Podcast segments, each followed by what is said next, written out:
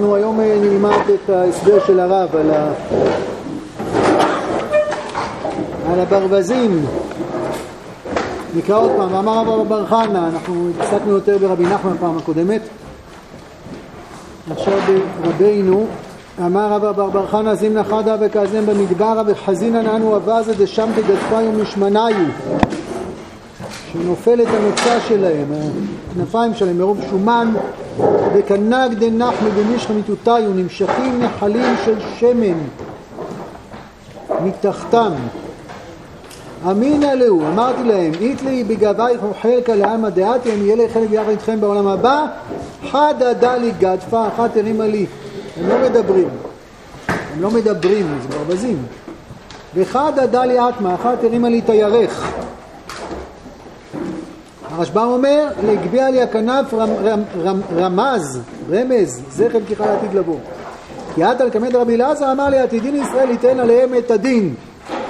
אומר הרשב"ם שבחטאתם מתעכב משיח ויש להם צער בעלי חיים להיות המבזים מחמת שומנם. אז מה זה אווזים? מה אנחנו יודעים על אווזים? האחרונים פה, תודה רבה, הם כולם דוחפים לכיוון של חוכמה. יש הבדלים ביניהם, משום שהגמרא בברכות, אתם זוכרים, אומרת שהרואה אווז בחלום יצפה לחוכמה שנאמר חוכמות בחוץ קרונה. למה דווקא ברווז? אולי בגלל שהוא מתגעגע, יש לו קול כזה שעושה לנו אסוציאציות, אתם יודעים, הדמיון, החלום, הוא לא עובד בצורה שכלית, הוא עובד בצורה של הקשרים כאלה. ברווז הוא סוג שמתגעגע, יש בברווז משהו שהוא אה, אולי הכל, אולי הוא לא כלום. ברווז הוא גם מתפקד אה, באוויר וגם במים וגם בקרקע. יש כאלה שאומרים שהוא לא מתפקד בשום מקום בגלל זה. אבל הוא גם מתפקד בכל המקומות, אם שברווז הוא לא רק אה, יודע ללכת, הוא, הוא יודע טוב ללכת, יש, אה, יש, יש אווזי שמירה כאלה, תוקפניים, הם מסתדרים פה טוב מאוד. זה מין משהו כזה שאם זה רומז לחוכמה, אז יש איזה, איזה יכולת אה, תעופה, יכולת מרחבים, יכולת של אה, אין סוף. שלום וברכה, התגעגענו אליך. הפעם הבאה תחשוב פעמיים, אתה אומר. חס וחלילה. הוא יכול, אין לו מגבלות. אם הוא באמת כזה אמפיבי כזה, אז הוא חסר מגבלות. הוא יכול להגיע לכל מקום, אבל אנחנו עכשיו הולכים לפי הרב זצ"ל, הנה אבז רומז, לחוכמה, כדברי חז"ל, אבל הרב מדייק פה, ממה שאמר הכתוב שמביאים חז"ל שם, חוכמות בחוץ תרנה, נראה שהכוונה לחוכמות המפורסמות, המשמיעים כולם. גם עכשיו אומר, הווז הוא מגעגע, משמיע רעש כל הזמן. יש אה, חוכמות מאוד מאוד אה, מסוימות. המשמיעים, זה לא טוב שהן מפורסמות, זה מקטין אותם. המשמיעים קולם ותורתם לרבים כמו חוכמת הטבע, התכונה וכיוצא בזה, ולא כן תורתנו הקדושה דעליה נאמר כל כבודה בת מלך פנימה וחמוקי יריחייך כמו חלאים מה ירך בסתר, דברי תורה בסתר. הגמרא מועד קטן דורשת את זה נפקא מינה לאחר זה של דברי תורה בסתר, שלא דורשים בשוק. שמי שרוצה ללמוד תורה צריך להתאמץ, צריך לבוא להתכנס, לא פורסים את זה על לוחות מודעות, אבל יש בזה, להלכה הזאת, יש בזה משמעות פנימית. זה שלא, אה, זה שדברי תורה הם בסתר, זה מהותי לדברי תורה שהם בסתר. כי כל עניינם של דברי תורה שהקדוש ברוך הוא נסתר בהם, הקדוש ברוך הוא טמון בהם, שצריך לבוא עליהם באימה, ביראה, בענווה, בהקשבה, מתוך שאיפה לדעת שאי אפשר לעשות מבחן על דברי תורה, זאת אומרת על ידע תורני אפשר לעשות מבחן, אבל דברי תורה זה בעיקר הדבקות בהם, האהבה בהם, ההקשבה להם. חוכמות אה, מפורסמות, זה הגדרה שלהם שהן מפורסמות. שהחוכמות, המדע האנושי במובן האקדמי של המילה, ולא במובן של הרמב"ם, האקדמיה מסבירה את עצמה, הכישרון שלה, היכולת שלה, התועלת שלה, שהיא מסבירה את עצמה ואתה לומד אותה ואתה מבין, אתה רוכש את הידע. ויש לך אותו. זה ידע שהוא לא תלוי במדרגה המוסרית שלך, לא תלוי בהכנה האישיותית שלך. זה מין תכונה שמסבירה, להסביר, מצליחה להסביר מידע משכל, לפעמים זה דורש ממך כישרון והתמדה והרבה שיעורי בית, אבל זה משהו חומרי, זה משהו גלוי, זה נמצא פה עקרונית זה יכול להיות מפורסם. כל תוכן שהאקדמיה גילתה, עקרונית הוא יכול להיות מפורסם. יכול להיות שלא כל אחד ימצא את הזמן ואת המקום ואת החשק ואת הכוח להשקיע הרבה שנים ללמוד את זה. אבל זה לא תובע ממך שום דבר, זה תובע, זה תובע מהמאמץ. אבל אתה לא, לא תובע ממך להשתנות ולגדול. והתורה באופן מהותי, אתה ניגש אליה מתוך מה שטמון בה, מתוך מה שאתה מחפש את כל השם בכוח הדובר עדיין, תמיד, מתוך דברי התורה. וצריך האזנה עמוקה. לעמוד למרגלות ההר כדי לקבל את, ה, את הסדר שבדברים. אז חוכמות בחוץ תרונה, זה הפסוק, כמו האווזים שמשמיעים קול, זה, זה באופן עקרוני, אומר הרב, זה לא חוכמת התורה. הרואה אווז בחלום יצפה לחוכמה, אם זה לא חוכמת תורה זה לא מעניין אותו, זה כן מעניין אותו. זה מאוד מעניין אותנו כמו שכתוב פה. אבל אנחנו מתמקדים פה בסוג מסוים, הוא היה במדבר, במדבר זה מקום שלא נעים להיות בו. עוד מעט הרב יגיד, זה מקום של שממה, מקום שלא חיים פה. החיים שלנו זה תורה. החוכמה שמעניינת אותנו זה תורה, מה שיתקן עולם, מה שבאמת ייתן לנו את הכנפיים, לעוף, לפרוס אה, כנף ולהמריא מעבר כל המגבלות, לחבר באמת אותנו לכל השאיפות שלנו, זה התורה. אבל פה רב בר חנה פוגש, אה, שוב יש הבדלים גדולים בין המצב של הידע האנושי בתקופה של רב בר חנה לתקופה שלנו, אבל זה הבדל כמותי, זה לא הבדל. אנחנו יודעים שברוך השם נפתחו שערי חוכמה והמהפכה התעשייתית והשפע של הידע זה לא דברים חיצוניים שקורים סתם ככה בגלל כל מיני חידושים טכנולוגיים, זה לא בגלל שמישהו המציא מכונה וזה הופץ, יש כאלה תיאוריות אצל ההיסטוריונים שבגלל שגוי אחד המציא את הדפוס אז זה גרם להוזלה של הספרים וממילא אה, קנו יותר ספרים וגם אנשים התחילו לחשוב, והתחילו... זה, וזה ודאי לא ככה. קודם כל, גם אם זה ככה, זה בהשגחה אלוקית. הקדוש ברוך הוא החליט, הוא קבע מתי ימציאו מכונת הדפוס, ולא במקרה הוא מעלה לאיזה רעיון ומצא איזה חומר. שנית, את הדפוס המציאו כנראה אלף שנים לפניו בסין, ועוד לא הגיע העת שהקדוש ברוך הוא החליט להנגיש את הידע הזה, את הברווזים האלה, את האווזים האלה לכל העולם. אז זה לא קרה, ההיסטוריה היא... ההיסטוריונים לא יכולים, ההיסטוריונים מפורסמים, מה פירוש? הם עסוקים בחוץ, הם לא נוגעים ברז האלוקי. רז האלוקי זה תפקיד בית המדרש, לדעת את ההיסטריה שבתוך אה, נדבכי המציאות. למה הדברים קורים? זה איסוף תעודות, חומרים ועדויות לא יכול אה, לגלות לנו. אז אנחנו מדברים על איזה, באמת יש פה איזה קפיצות מדרגה שמתרחשות במאות השנים האחרונות, אבל, אבל המבט הוא מבט עקרוני, שרב בר חנה בעינו העמוקה והגדולה הוא אולי שולח גם בזמנו, ואולי על אחת כמה וכמה בזמנים שלנו. אז הוא היה במדבר, זה מקום שלא נעים להיות פה, והוא ראה את האווזים האלה, הוא שהוא פגש אותם. אה, והנה, כל החוכמות, אף שאינן עיקריות, אז מה מעניין אותי עם האווזים האלה? יש לנו תורה. מי שאין לו תורה, מישהו יתום, מישהו עני ורש, אם לא הייתה לנו תורה, היינו לומדים צניעות מחתול, ודרך ארץ מתרנגול, וחריצות מנמלה, אבל יש לנו תורה. אז לא כדאי להתייחס אליהם כדמויות המופת שלנו, לחתול, לתרנגול ולמלה. אז יש לנו את בית המדרש, יש לנו תורת אמת, מה לנו ולהם?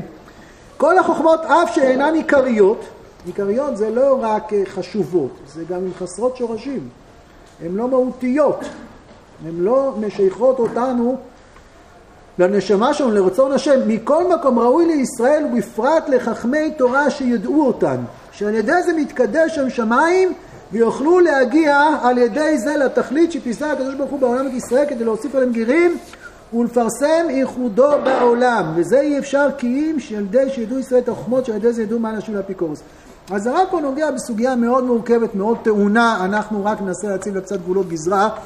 הרב לא מתכוון שכל מחקר שנאמר אה, אה, באצטלה אקדמית וקיבל בזכות זה אה, תואר דוקטורט הוא הוא ראוי לישראל בפרט חכמי התורה ללמוד אותם. ממש לא. הוא לא מציע לכם ממש לסגור את הגמרות ולעבור לחקור בכלים שהאקדמיה נותנת לנו. אבל הוא מתכוון ליחס, למה שמסתבר. אנחנו מדברים על זה הרבה בשיעורי הכוזרי, נכון? ההבדל בין העיסוק האקדמי בפיזיקה, כימיה, ביולוגיה, לבין העיסוק בתחומים שנפש האדם באה לידי ביטוי, רוח האדם באה לידי ביטוי. על אחת כמה וכמה כשהאקדמיה פושטת כלפיה ונוגעת בקודש, שאז בוודאי אין לזה שום מקום. אבל יש תחומים כאלה, שגם החשיבה שהיא לא יוצאת ממקום אמוני, היא לא צריכה לצאת ממקום לא אמוני, אבל לא ממקום אמוני, היא חשיבה שמצליחה להביא הרבה ברכה, היא חשיבה שמצליחה לקדם אותנו. זה ברור שאנחנו במאות השנים האחרונות יודעים הרבה יותר על המבנה הטכני של העולם, החומרי של העולם, מה שדורות קדומים ידעו. זה ברור גם שצריך זהירות גדולה, כי הרבה תיאוריות גם היום הן קמות ונופלות וחולקים עליהן מיני וביה. בתוך השיח האוניברסיטאי עצמו יש מחלוקות עזות, ולא כל מה שמי שמנפנף במשהו אז מיד מיד נכון. צריך סבלנות, צריך שיחלפו תקופות ארוכות, יחלפו עשרות אם לא מאות שנים, אנחנו יודעים שאפילו ריסטו שהוא תמצית השכל האנושי כדברי הרמב"ם, אז המודל שהוא הציב לתמונה של היקום, מודל שהתברר כ... אי אפשר להגיד שטויות על מה שאריסטו אמר, א', בגלל שהרמב"ם התייחס לזה בכובד ראש, וב', בגלל שזה לא שטויות, זה מודל מאוד מאוד גאוני ונכון שמסביר הרבה דברים, רק התווספו לנו נתונים והבנו שהמודל הזה לא מתאים לנו, אנחנו לא יכולים להגיד שטויות על מה שהראשונים נתנו מקום וכיבדו, אבל כשהרמב"ם כשהרמ מדבר על הידע אז הוא לא, כמובן אתה צריך מעודכן בכל המחקרים. זה, זה גם תלוי מי, איך הרב כותב פה, ישראל ובפרט לחכמי תורה. עוד מעט הוא יצטט את הגר"א, זה ציטוט שמופיע כמה פעמים ברב, נכון, בשם רבי אלי משקלו, וכתוב בשם הגר"א, שכל מה שחסר לאדם מלימוד החוכמות נחסר לו כאלה מאה פעמים מלימוד תורה. אז ודאי, הגר"א לא היה סטודנט, הגר"א אה, לא השקיע יותר מכמה, אתם יודעים שהספר היחיד, אני חושב, הספר היחיד שהגר"א כתב כספר, כך אמר למישהו, זה ספר בחשבון, ספר אה, איל משולש. הוא כתב את זה במקום שהיה אסור לעשות דברים אחרים חוץ מלכתוב ספרים כאלה. אבל אני חושב, בעניות דעתי, ככה אני מבין, מדובר על, ה... על ההכרה של האמיתות היסודיות, של, של הדברים הקבועים. אתה לא צריך להיות מודע בדיוק לכל... אה, יסוד בטבלת היסודות הכימית, ובדיוק אה, אה, לדעת איך הוא נראה ומה הוא מתרכב. אתה צריך אבל את, את, את הידע הכללי, כמו, כמו ב... באסטרונומיה, במטאפיזיקה של אריסטו, לא יכולים לדעת בדיוק כל כוכב איך הוא נראה, אבל את המערכת, איך היא בנויה, כן.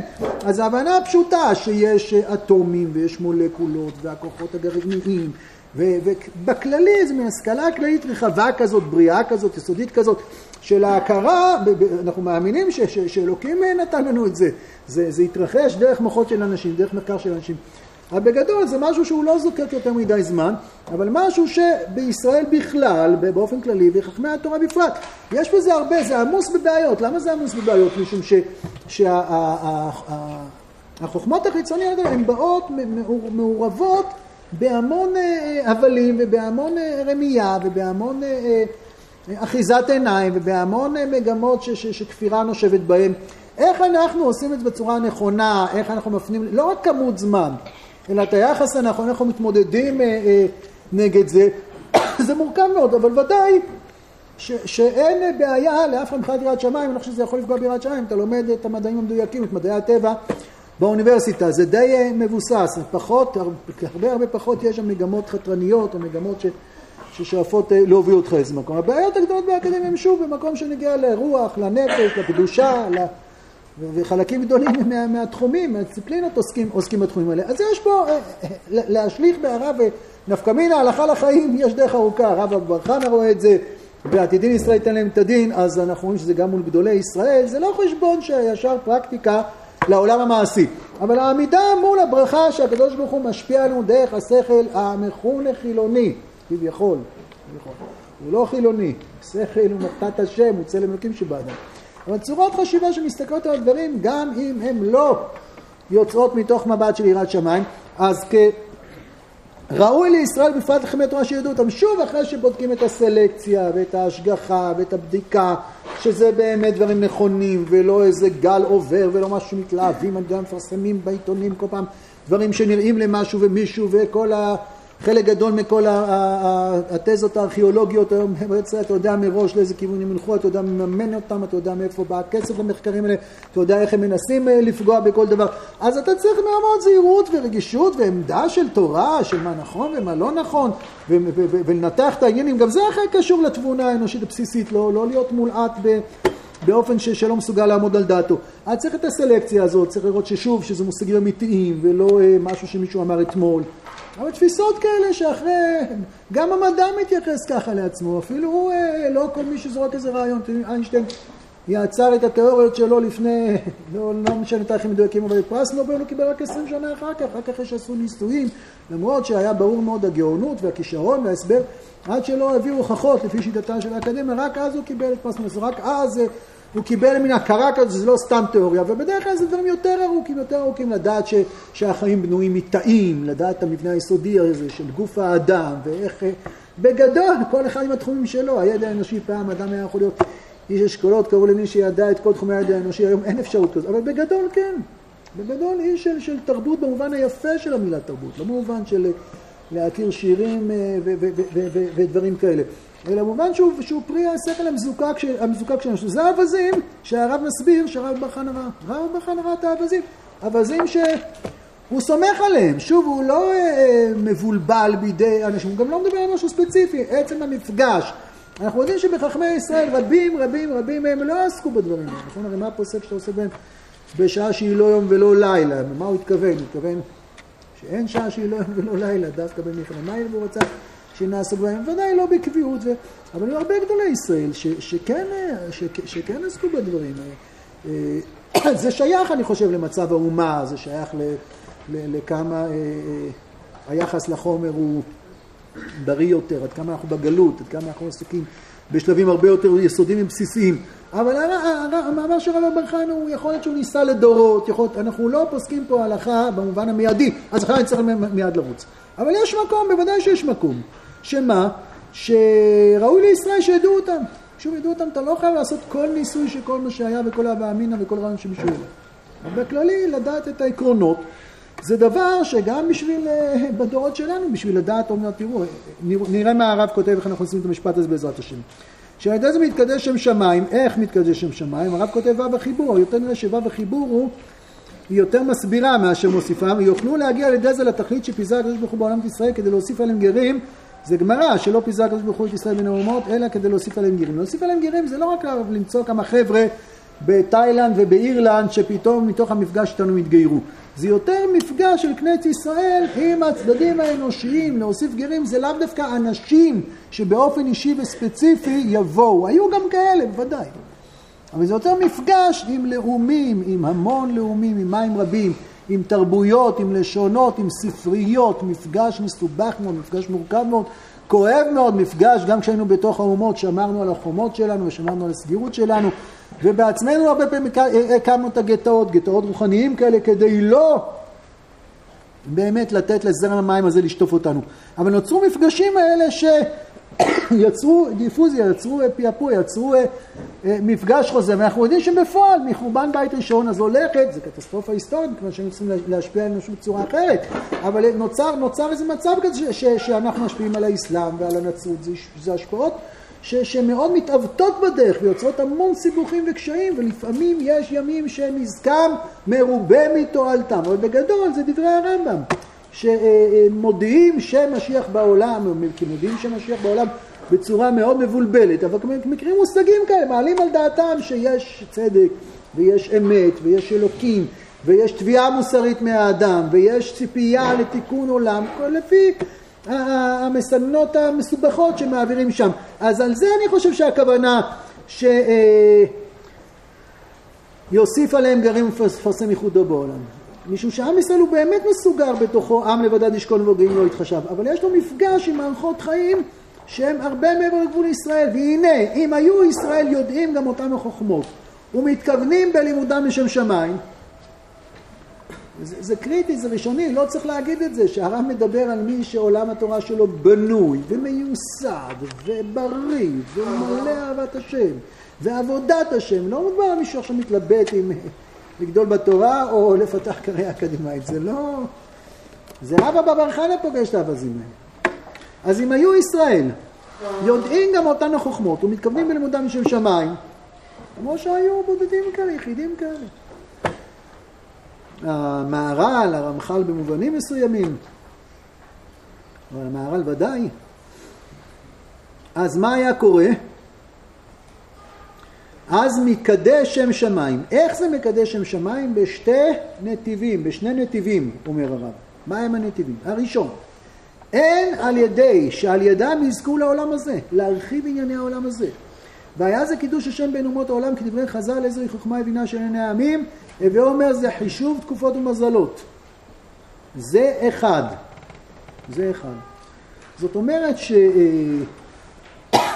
שהזכייה לעולם הזה, הזכייה להרחיב ענייני העולם הזה, הרב בהמשך אה, אה, ירחיב את זה יותר, יסביר את זה יותר, מה זה היה אה, בונה בנו, אבל זה בכמה רמות. ברמה הראשונה היא שהפגישה עם החוכמות המפורסמות, בלשון הרב זצ"ל, עם האווזים האלה, היא פגישה שמעניקה לנו שליטה בעולם הזה.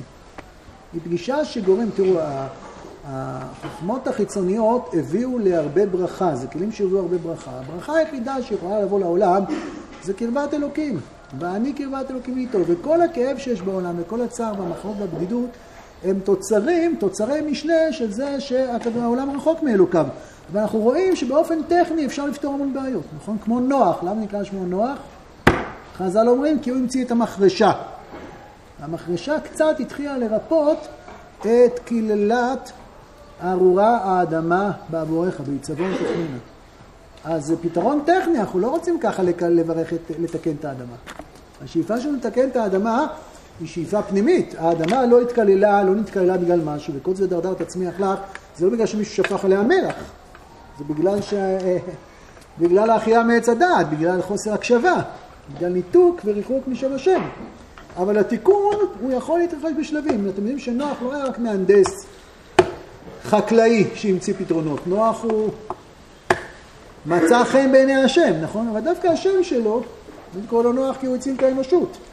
אבל חז"ל מלמדים שהפתרונות הטכנולוגיים האלה הם לא קליפות ריקות מתוכן, למרות שמי שממציא חלק גדול מהפתרונות הטכנולוגיים האלה זה לא נוח, אלא זה כל מיני אנשים שלא יודע כמה שם השם היה בקרבם, אבל ההמצאות האלה אין מה לדבר, שהם ודאי נלחמים בעוני, במחלות, ברעב, ועם ישראל יונק מהם ברכה אדירה. אנחנו יודעים שתמותת התינוקות היא לא הייתה תופעה שפגעה רק באומות העולם. עם ישראל שמר על, אה, על הרבה דברים שאחרים לא שמרו, לכן הוא נפגע הרבה פחות במגפות, אבל, אה, אבל ידועים גדולי ישראל רבים שאחוזי תמותת התינוקות וקיצור ימים והשנים. רבים מגדולי ישראל באמת האריכו ימים והתקיים בפועל מה שהמשורר מבטיח שמי שחפץ חיים רואה גם לראות טוב, נצור שנך מראש שפתך מדבר עמה, אבל הממוצע של אורח החיים היהודי לא היה שונה בעליל מהממוצע מסביב, וכשפגעו מגפות, פגעו מחלות, אז לא היה להם מרפא, וזה שאנחנו היום משוחררים מאימת המוות, שהייתה כל כך נגישה, זה שאחוזי התינוקות שממשיכים איתנו ברוך השם הם כל כך גבוהים, זה, זה פתרון טכני שנוצר על ידי רופאים, על ידי חוקרים, על ידי מדענים. וכל הכלים האלה, יש באיזה איזה, איזה קומה ש, ש, שאולי היא ביטוי לזה שתורה מתגדלת בעולם. זו קומה חיצונית, אבל היא ביטוי למשהו פנימי. וברור גם שאם אתה מטפל רק בעבודות החיצוניות, אז תינוקות לא מתים. לא בטוח שהחיים שלהם יותר שמחים. לא בטוח שאיכות החיים המהותית שלהם, זאת אומרת, הם אוכלים יותר, הם לא רעבים. הם לא סובלים, יש הרבה, גם בעוני המהפכה התעשית טיפלה בוודאי, יש הרבה דברים רעים שההתפתחות הטכנולוגית הוסיפה, הרבה יצרי, אה, אה, מסובכים היא הוסיפה. ולא בטוח שהחיים של האדם היחיד היו רצופים קשיים, הם פחות רצופים קשיים. אבל ברור שכשסתר ממנו אימת המוות, מאוד מאוד כמו שהרב כותב באורות הקודש, וכשהוא לא נאבק על, על עצם אה, ברעב התמידי שאפף אותו כל היום. אז ברור, נכון, אחד מסימני הגאולה, הרב כותב שיהיו מעדנים נמצאים כעפר. וזה שמעדנים נמצאים כעפר, בפועל זה מתרחש על ידי חוכמות חיצוניות. אז יש תפקיד לחוכמות החיצוניות במה שהן מתקנות הרבה דברים טכניים בעולם, והטכניקה כשלעצמה היא באמת לא עיקר חיינו, אנחנו רוצים לתקן את הקודש, לגלות את העולם, לגלות את שם שמיים, אבל יש פה איזה כלים כאלה שהם חלק מתוכנית אלוקית כזאת, ואם, זה, זה הפן הנמוך, זה הפן הראשוני, זה לא הפן שהרב צועד אליו, הרב צועד למקום אחר, אבל הוא מתחיל בזה. שאם היו ישראל יודעים אותם חומות, מקבלים לנו שם שמיים, מתקדש שם שמיים, מתקדש שם שמיים, לא בגלל שהם אומרים, וואו, זה חכמים הרבנים, הם יודעים uh, מדעים. זה בכלל לא בכיוון הזה, שזה, אנחנו לא זקוקים למחיאות כפיים מאף אחד, אנחנו זקוקים רק לאישור פנימי, לדעה את השם, לדעת שמתוך ליבנו אנחנו צומחים. משם הכל מתחיל. אז שמתקדש שם שמיים, במובן ש... בראותי כל עיר על, על תהילה בנויה, ועיר האלוקים משפלת עד שואל תחתיה. זה, זה, זה חלק מהגלות, זה חלק מזה שמה שבא לחובות הלבבות אומר שככל שמוסיף השכל בניין יוסיף החומר חורבן, או הפוך, ככל שיוסיף החומר בניין יוסיף השכל חורבן. מצבי חיים כאלה שדווקא הקודש לא מצליח להסתדר בחיים, ולהפך יש בהם איזה הנגדה. זה אולי אין פתרון מהבחינה הזאת, כל אנחנו בגלות זה לא ישתנה.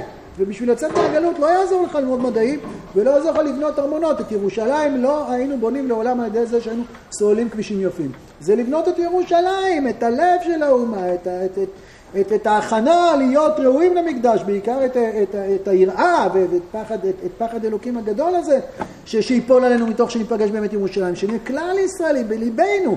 אחר כך ומתוך כך באים ובונים אותה על, על תילה, בפועל. בפועל ככה זה גם מתרחש.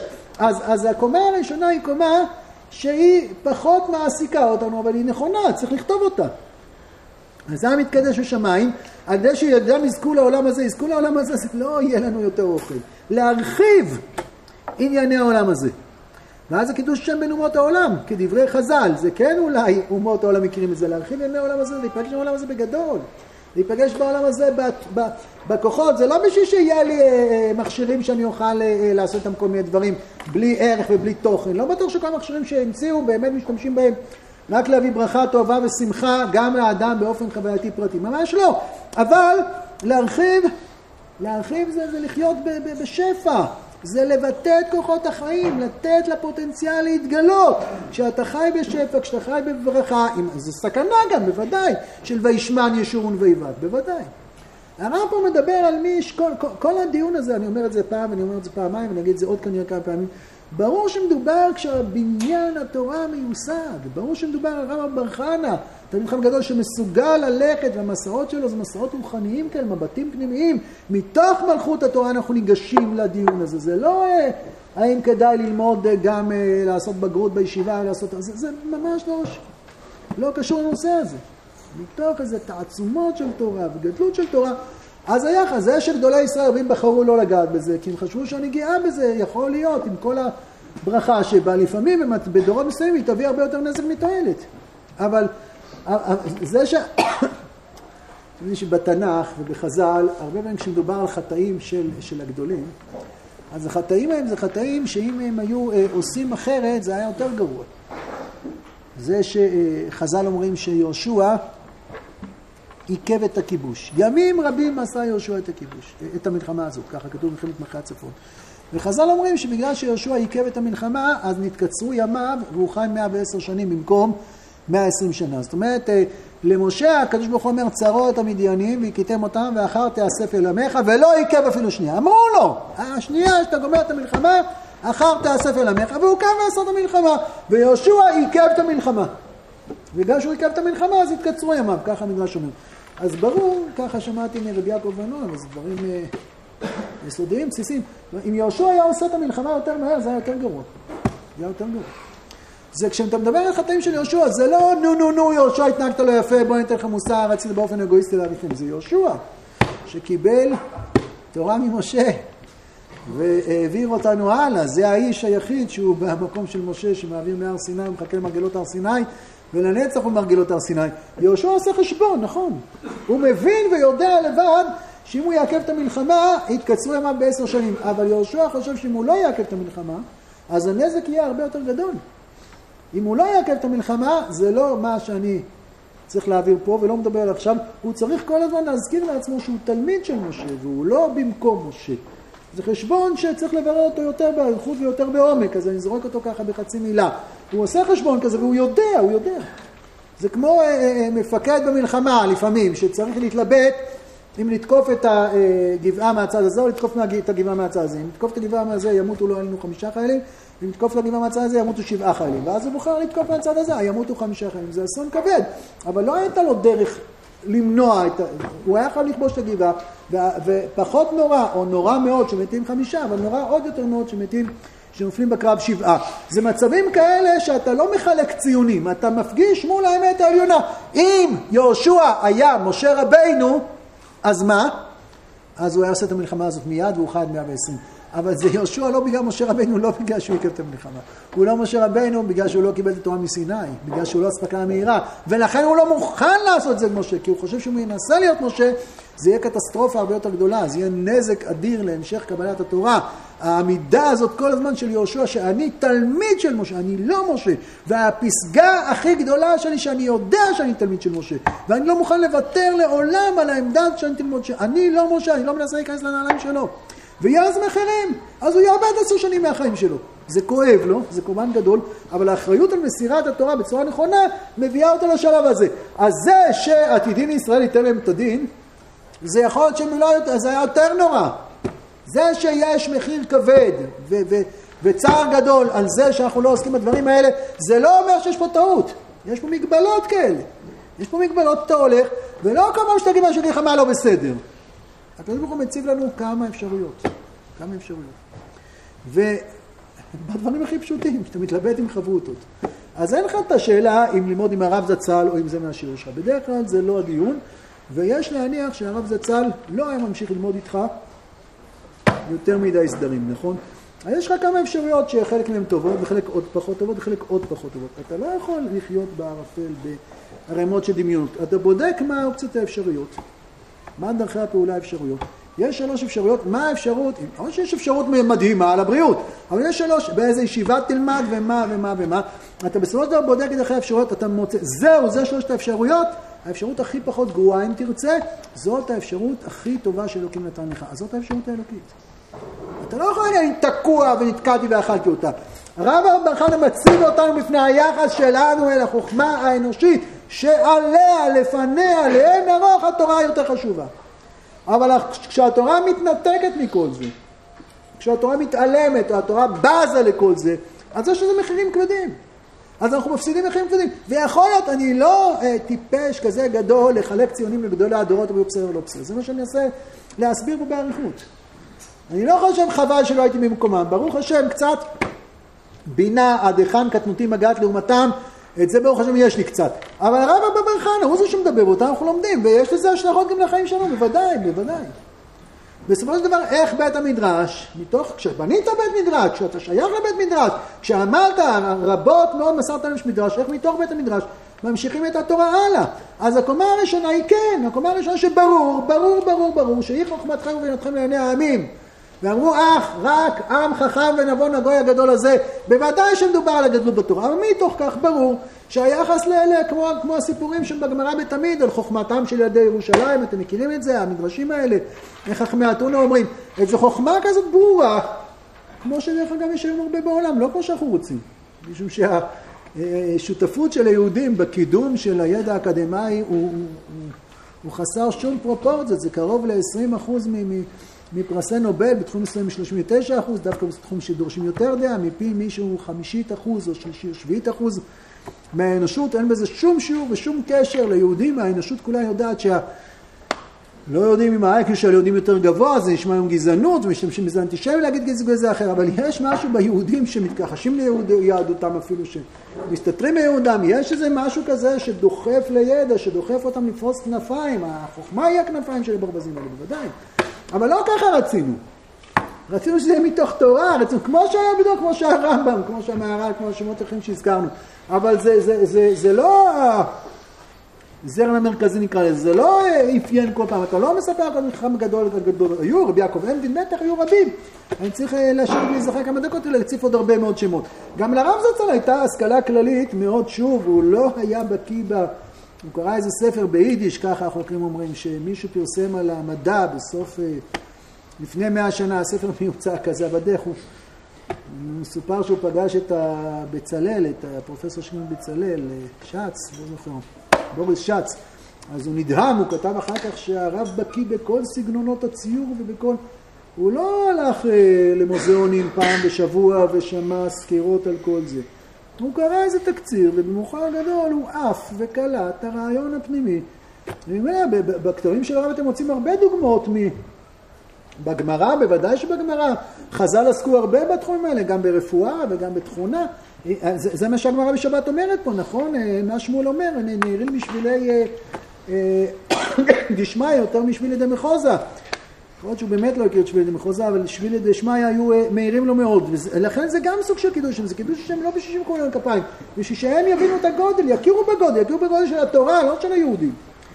ולכן, אה, אה, איזה חוכמה בינה של עיני העמים, הווה אומר זה חישוב תקופות ומזלות, סתם המובן הפשוט הזה של אה, איך, איך חכמי ישראל הצליחו, בלי טלסקופים, בלי מחשבים, בלי, בלי אה, חלליות, בלי אה, כמויות ידע אדירות שיש לנו היום, הם ידעו לחשב את, את, את התקופה הגדולה והתקופה הקטנה, הם ידעו לחשב לוחות שנה כאלה שהמוסלמים רמדאן הם בשנייה, הם לא יודעים, הם, הם, הם עד הרגע האחרון לא יודעים מתי יתחיל הרמדאן והם עד הרגע האחרון לא יודעים מתי יסתיים הרמדאן. כי, כי הלוח שלהם הם לא הלוחות שלנו, הם כל הידע שיש לנו הם זקוקים, אה, סיפר לי בדיוק אה, אבא של שכן שנפטר, הייתי שם בשבעה, הוא היה במרוקו, היה מפקח, היה תמיד חכם, תורג'מן היה אחראי על בתי ספר היהודים, דתיים במרוקו. והיה לו חבר, אה, מפקח על אה, בתי ספר מוסלמים שם, שתמיד אמר, אני לא מבין איך אתה מכין לוחות והכל מתוכנן והכל ידוע לך, איך אתה מצליח? הוא אומר, מה? הוא אומר, איך אתה יודע מתי התחיל החודש, מתי ייגמר החודש? אז אמר לו, בוא תיתן לי, אני אארגן לך את הלוח שנה. הוא לקח את הלוחות שלנו, שם כתוב מתי המולד, שם כתוב מתי זה. וארגן לו, והוא לא האמין, ואני אומר דברים פשוטים ש, שחז"ל בלי, אה, בלי נייר, על קלף עוד היו צריכים לכתוב. גם זה אסור לכתוב. הצליחו לחשב חישובים שהם עובדים בצורה מדויקת. כל שאר הלוחות, מי שניסה להלוח הגרגוריאני, מזמן קרס, שינו אותו, ועוד פעם שינו אותו, אחרי שהטכנולוגיה מאוד פתחת, ולנו יש, חז"ל, זה שחז"ל ידעו לעבר את השנים, זה לא רק הם למדו בגמרא, הם כמו הלכות קידוש החודש של הרמב"ם, הם, הם, הם השקיעו בזה שנים ארוכות, חלק מה, מהצורך ללמוד דברי תורה, כמו הלכות טרפות, כמו הלכות... אה, נכון, הכוזרי מסביר על זה בהרחבה, כדי לדעת הלכות כלאיים. אתה צריך עם ידע המדעי אדיר. אני זוכר שפעם עמדתי בתור לשאול את הרב ישראלי זצ"ל שאלות, הוא בא אליו איזה חקלאי, סתם עמד בתור, והתחיל לשאול אותו על uh, סוגים של עצים.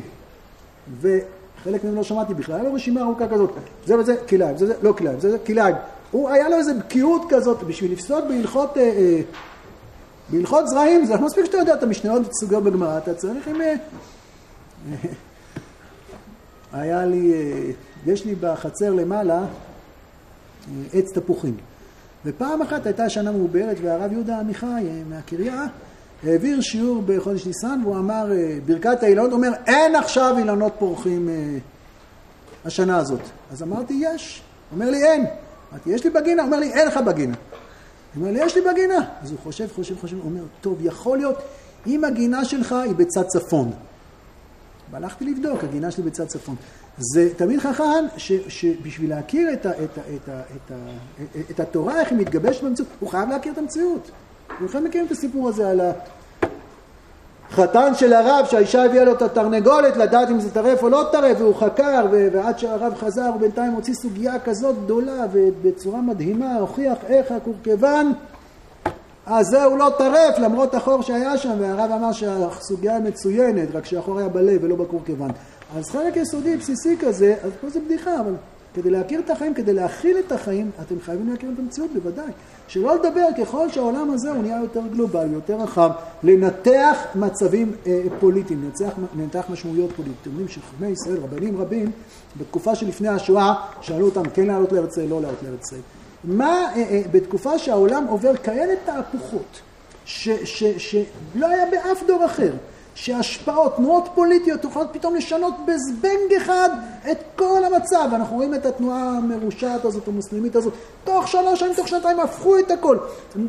בימי הקדם לא היה דבר כזה, בימי הקדם תהליכים כאלה, אסונות כאלה, התרחשו באופן איטי של עשרות שנים, של שכנוע. המצב הזה המודרני עכשיו הוא מאפשר פתאום לקום לאיזה תנועות בזק איזה לקום ולשנות מערכות עולם ולשקוע בכזאת מהירות. איך רב באיזה קהילה שהיה עסוק כולו בתורה, איך הוא ידע לשער איזה, איזה עננים של, של, של, של זוועה מתרחשים באופק? מומחים ופרופסורים לא יכלו לחשב מראש ש, ש, שמי מי העלה על דעתו, המומחים הכי גדולים, ראשי ממשלות באנגליה ובצרפת, הם נפלו בפח הזה. אז אתם מצפים מאחד שבאמת כל כולו מה שמעניין אותו ש"ס ופוסקים שהוא באמת ידע לפי הנתונים שבידו, לפי מה שהוא מביא מחוכמתו. אז הוא אומר, אז, אז אין סיכוי שיהיה, נכון. אז הוא מנתח את זה ככה, מנתח אחרת. אבל ההכרה של חוכמות חצונות, זאת אומרת להתייחס בתבונה האנושית, אך, אני לא רוצה לקרוא חילונית במובן שאין שם אלוקים. אבל צורת הסתכלות שלא יוצא מתוך דפי הגמרא, זה האווזים האלה. ש, ש, ש, ש, ש, שיש בהם הרבה שומן, שמן זה חוכמה כמו שהרב יגיד. ורב בחנה רואה אותם ורואה שנשרות להם הכנפיים.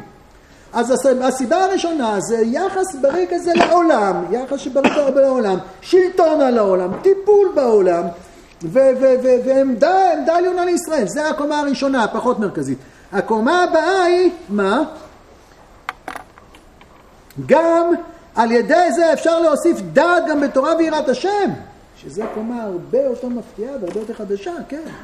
למה להוסיף דעת בתורה ויראת השם? בשם הגר"א, שכל מה שחסר לאדם לימוד חוכמות, נחסר כאן מאה פעמים לימוד תורה. בשביל שאתה מבין את העולם בצורה שהיא פרימיטיבית. מה זה פרימיטיבי? פרימיטיבי זה לא מעליב, אתה באמת לא חייב לדעת מי זכה באליפות העולם בכדורסל, אתה לא נהיה פרימיטיבי בגלל זה. יכול להיות שאתה פרימיטיבי אם אתה יודע מי זה. לא בתחום הזה, אני מתכוון לרמת ההשכלה שאלוקים עכשיו משפיע על החיים. אלוקים עכשיו משפיע על החיים, לאנושות. האדם הסביר, האדם המשכיל הסביר, זכה עכשיו לפתוח עיניים יותר מעמקות להבנה איך הקדוש ברוך הוא ברא את עולמו. ואם חכמי התורה נסוגים מאחור, ואם חכמי התורה מבינים את צורות שהן שטחיות מאוד או מעוותות ביחס לזה, אז זה פוגע להם מאוד ביכולת להיפגש עם השם. זה יכול להיות, הרב כותב בכמה מקומות, שמושגים של, של אה, תורה זה לא רק ללמוד תורה, זה לא רק טקסט שאתה יושב ולמוד אותו. לימוד התורה דורש בכלל לכוחות חיים. לימוד תורה, אנחנו מתכוונים לחג השבועות וקבלת תורה, נדבר על זה יותר אולי בחג השבועות. וזה דורש בכלל זה, זה נותן לך, זה לא דורש ממך, לחיות את השם בעולם, לזהות את השם במציאות. וכשאתה מזה, מכיר את המציאות בצורה כל כך קטנה, להסתכל באורייתא עלמא. ככל שאני שייך יותר לתורה, אז יש לי יותר יכולת להסתכל איך התורה היא זאת שבראה את העולם, אם אני לא מכיר את העולם. לא מכיר את העולם, תמיד יש להכיר את העולם בלי סוף. אבל גם באופן היחסי, שהקדוש ברוך הוא הפגיש אותנו במציאות, אם מזה התורה עוקרת את עצמה, ואולי בגלל הגלות אין לה ברירה. ואולי אם לא, זה, זה אסון שמישהו במקום לגדול בתורה ילך אה, אה, לעסוק באקדמיה כל הזמן. אני מדבר על גדלות של תורה ובריאות של תורה, על חכמי ישראל, על, על, על זה הרב בר חיים, הוא מדבר על עצמו. אז באמת, לפעמים חסר מאה פעמים בתורה, כי, כי את הסוגיות הוא יודע, אבל מרחבי הדת, צורת התמונה, בטח שכן. משום שהרבה קורות חיים שמתגלים בעולם עכשיו, הרוח העשויה לבלי חד של המהפכה התעשייתית, הם קצת את הרב עכשיו, לא מציאות בעצמם. התעוזה, האומץ, היוזמה שמתגלים לנו מבחוץ. אבל זה לא שאנחנו זקוקים להם, אנחנו לא לומדים צימוק וחתול. קודם כל מותר ללמוד צימוק מחתול, זה לא בעיה, חז"ל אמרו את זה מותר לפעמים גם ללמוד צימוק מחתול, נכון. לא הוא יהיה הרבה שלך, אבל לפעמים כן. לפעמים אתה עומד מול החתול ואתה אומר, כמה שאני חתול, אפילו חתול לא יכול להיות כזה. גם כשאתה מרגיש כמו חתול, אתה מבין שיש בך עוד שירים של צלם אלוקים וזה נותן לך כוח. גם זה צריך. אבל הקדוש ברוך הוא מתגלה שם, זה בחיים, בטבעיותם, בפשטותם, נכון? מה מסופר על שלמה המלך? שמתוך אהבת אלוקים העליונה שלו, אז הוא לא, אז, אז, אז הוא היה שייך לכל החיים, אנחנו צריכים להתגעגע לשלמה המלך, לא לפנטז שאנחנו שלמה המלך, נכון? אבל מה האופקים? אז הגר"א כותב שהיה חסר מאה פעמים מלימוד התורה, כי החוכמות רקחות וטבעות לכל השם, כל אחד ואחת זה תומכי לחימה, זה מסייעים, בוודאי שלא נעוות את, את האיזון מי במרכז, מי בצדדים. תורה מעניינת, אבל תורה, לא רק במובן שאני יודע את כל התורה, במובן שתורה מובילה את החיים, מוליכה את החיים, מפגישה אותנו משמש מתוך החיים. אז ככל שהתורה גדולה יותר, אז היא זקוקה לגוף גדול יותר, ל- ל- ל- ל- להבנה גדולה יותר, היא מאירה עולמות אה, מהירים יותר. אז, אז אם היו ישראל יודעים ומבינים בכל חוכמה ומדע, היו החוכמות עצמן מתעלות. מה הכוונה? זה לא יש חוכמה ואם תדע את זה תשתמש בזה, ממש לא. זה שאנחנו מזניחים את זה, שאנחנו פוגעים בהם, אז באמת הדברים מתגלים בצורה מאוד מגומגמת, בצורה מאוד חלשה. זה לא יש מדע ובואו נראה מה אתה עושה עם זה. אנחנו לא פסיביים, התורה היא לא פסיבית, היא לא רלטיבית, היא לא מגיבה לשום דבר. היא לא המציאו משהו טוב, המציאו טייפים, נשתמש בטייפים. המציאו רמקולים, נשתמש ברמקולים. המציאו נשתמש בטייפים. לא נכון. אם אנשי תורה ניגשים לזה בצורה הנכונה, ביחס, בכבוד הנכון, אז נשפט על זה סייעתא דשמיא אחרת לגמרי. אז זה מבורך. הם גם שותפים בשיח, וגם מכבדים אותם, וגם נותנים להם מקום. הם מבינים שהם שייכים לשם. אז מעריכים את הדברים, וגם השפעה סגולית כזאת. זה, זה, זה לא עולם ש, ש, שמתחרה, ועולם שנאבק, ועולם שרואה בצרירה את הקודש, ועולם שממילא... זה לא סגולית רק במובן המיסטי, סגולית במובן הנפשי גם. אם אתה רואה את עצמך כמשהו ש, שנחלץ מכבלי הדת, והדת משדרת שהיא נגד זה, והיא לא מעריכה את זה, אז אתה מפתח, וזה בני אדם, אנחנו לא מצפים, אנחנו מצפים מאנשי התורה, לא מהם, מה, מה יש לצפות? אנשי, אנשי התורה זה הכנפיים של עם ישראל, זה התורה. אז אם התורה מגיבה את זה בחיוב, אז החוכמות מתעלות, במובן הסגולי האלוקים מבחינת השפע, במובן שכוחות אחרים שאתם מבקשים. כמו שהכוזרי כותב על אריסטו, נכון? שאם היה גדל בעם של חוכמה, אז בכוח שכלו היה מצליח לגלות את האמיתות ולא להגיע לדברים ההפוכים. ומצד ההשפעה של השיח בפועל, של התרומה, של השותפות, אז הרבה מהסחי והמעוז שנמצאים שם היו נשטפים עם הזרם של המים החיים, של המים הטובים והמבורכים. היו, היו מתעלות שכל אחת הייתה סיבה להגיע לקדושה במעלה עליונה, ולהפך, והיינו משתמשים בהם למה? המדע, כן, המדע גם החילוני יוצר בנו חשיבה הרבה יותר מופשטת. בהמונים, התבוננות הרבה יותר כללית, הכרת חוקי הפיזיקה יוצרת בך מבט כזה בסיסי שכל הדברים, להבין שהשם אחד ושמו אחד זה מדרגה רוחנית, נכון, אבל יש הכנות לזה, יש חמורו של משיח, חמורו של משיח זה לא רק המלחמות שנלחמנו, זה שהיום הפיזיקה המודרנית והכימיה הם מזהים את כל ביטויי החיים והצבעים והחומרים והם כולם נובעים ממספר אבני יסוד מאוד מאוד מאוד מצומצמים ביקום וכל ההבדלים גדולים בין חומר לחומר זה פשוט האיזון בין הפרוטונים לאלקטרונים והבנה איך מצב ומצב, אז זה יוצר איזה מבט אחדות, אתה לא סתם מדקלם עם השם אחד. אתה הולך ומפנים את המושג הזה בתוכך, אתה מתרגל, אתה לא זקוק רק להתנער מן העולם ולהגיד, אני מאמין שלמרות העולם המסובך שאני רואה. אתה לאט לאט הולכת ושוקעת בך אמונה כזו פשוטה, שכן, שזה אחד. אפשר להתעמר, אם תלמד רק את זה בלי תורה, זה לא כך יעזור. זה יכול גם לבלבל ולהפריע, וזה יכול גם לעזור. אבל כן, המדעים האלה, הרב לא יורד פה לפרטים, ובטח לא... כן, אתה, ככל שאתה מזהה יותר חוקים בטבע, ככל שיש לך מבט יותר מדעי, מבט של שכל, כמו שאומר הרמב"ם. מבט של שכל זה לא להסתכל על העולם בתור קפריזות, בתור שדים, בתור דברים שעפים מכל הכיוונים, ומי יודע מאיפה יבוא לי משהו. הכל מסודר. הכל מסודר, מדעי הטבע אומרים שיש פה סדר בעולם, יש פה תכנון בעולם, יש פה היגיון, שום דבר לא קורה בום, אין פה התרחשויות לא מובנות. אין פיות ואין שדים ואין שום דבר, הכל חוכמה אלוקית. למה היא עמוקה מכל, אבל אנחנו מזהים תהליכים. מזהים איך הקדוש ברוך הוא טמון במציאות, איך הוא נסתר במציאות, איזה מערכות מורכבות וגאוניות וחכמות ויפות יש בתוך החיים שלנו. אז היה סיבה להגיע לקדושה ולמעלה עליונה. למה? כי היו מאחדים אותה עם קדושת התורה. להשכיל אותה בחוכמת השם יתברך על ידי החוכמה הניכרת בברואים, ונמצא שהוא מתעלים על זה על ידי זה ענייני אהבה ויראה ויתר המידות הקדושות והמידות הקדושות זה הכנפיים הכנפיים זה לא החוכמות, הכנפיים, החוכמות זה הברווז. אבל הברווז יש כנפיים, זאת אומרת אם היינו ניגשים נכון על זה אז היה נותן לנו כנפיים שהיו מאפשרים לנו לעוף, לעוף, לעוף שהם גדפין על הנשמה, להתעלות על מקום הר מרום בית השם. בשביל שהר בית השם הוא לא אה, אה, נישא מגבעות. הוא לא גבוה, הוא נמוך. אבל המדרגה הרוחנית שלו היא גבוהה, לשם אנחנו רוצים לעוף.